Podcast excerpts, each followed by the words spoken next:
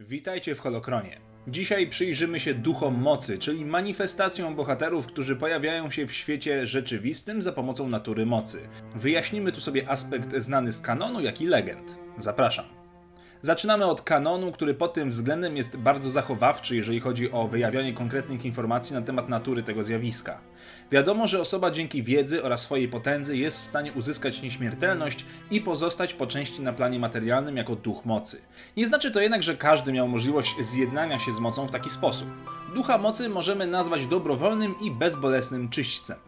W kanonie jedynie Jedi żyjący w pełni wedle kodu poświęcenia i bezinteresowności, będący potężni w jasnej stronie mocy, mogli osiągnąć stan ducha po swojej śmierci. Dla Sithów sztuka ta była niedostępna. Mistrz Qui-Gon Jinn poznał sekrety tej techniki, jednak nie zdołał jej opanować w pełni przed swoją śmiercią. Nie potrafił więc uzyskać swojej postaci, ale mógł komunikować się z żyjącymi za pomocą głosu. Jego wołania usłuchał mistrz Yoda, który odbył spirytystyczną podróż na Dagoba i Moraband, by nauczyć się sekretów nieśmiertelności od dawnego przyjaciela.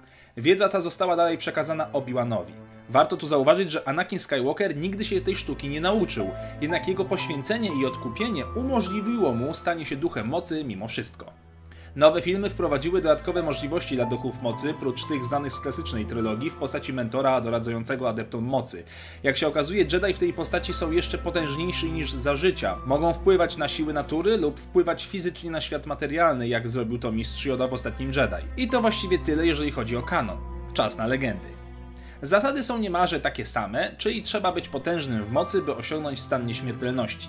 Tyle, że w legendach sztuki tej mogli się również nauczyć użytkownicy ciemnej strony mocy, czyli najpotężniejsi Sithowie. Choć ci akurat najczęściej praktykowali nawiedzanie danego miejsca, przenoszenie swojej świadomości do jakiegoś obiektu, czy artefaktu, czy też holokronu. W legendach istnieją też różne poziomy manifestacji. Podstawowy to ukazanie się jako rozrzedzona mglista chmura o charakterystycznej energii, mogąca przemawiać głosem zmarłego. Kolejny stopień to odtworzenie samego siebie, czyli w takiej postaci jak za życia. Duch nie mógł jednak wybierać dla kogo konkretnie będzie widoczny.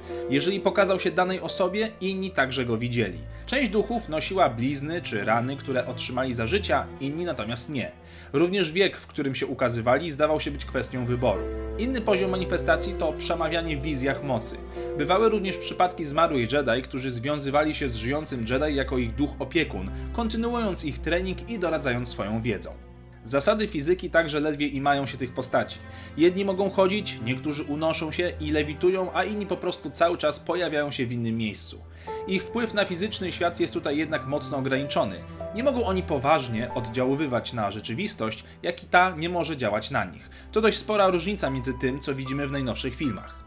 Historia poznania tej techniki sięga starożytnych Jedi, nie ma jednak konkretnego źródła. Już mistrz Arka Jet za czasów Starej Republiki znał technikę zachowania życia po śmierci, choć nie w tak doskonałej formie, jaką znamy ją później.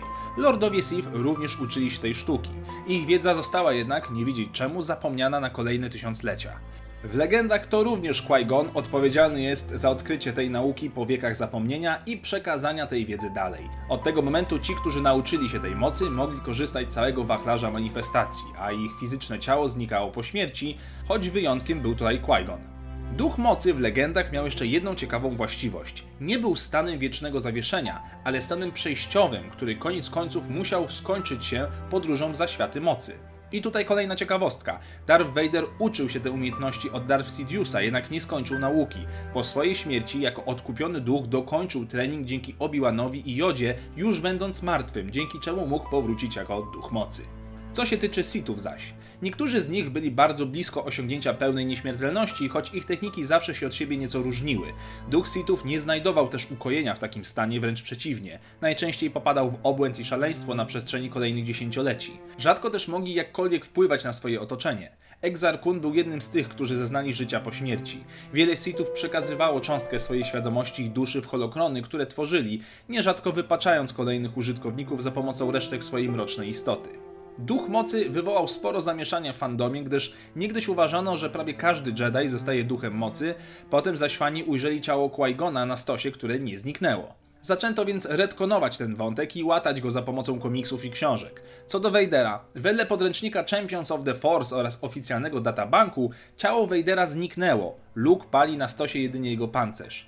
Nie kończy to jednak problemów, gdyż w noweli Zemsta Sithu wpada wyraźne stwierdzenie, że nauki życia po śmierci nie może nauczyć się żaden Sith. Kiedy to znowu w książce Czarny Lord Narodziny Darth Vadera Sidious mówi, że Sithowie mogli nauczyć się tej techniki.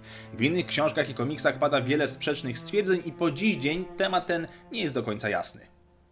To wszystko w tym temacie. Dzięki za oglądanie i do zobaczenia w kolejnym odcinku. Dzięki moim patronom za wspieranie kanału zachęcam do dołączenia i zostania jednym z nich. Zajrzyjcie do poprzednich odcinków i niech moc zawsze będzie z wami.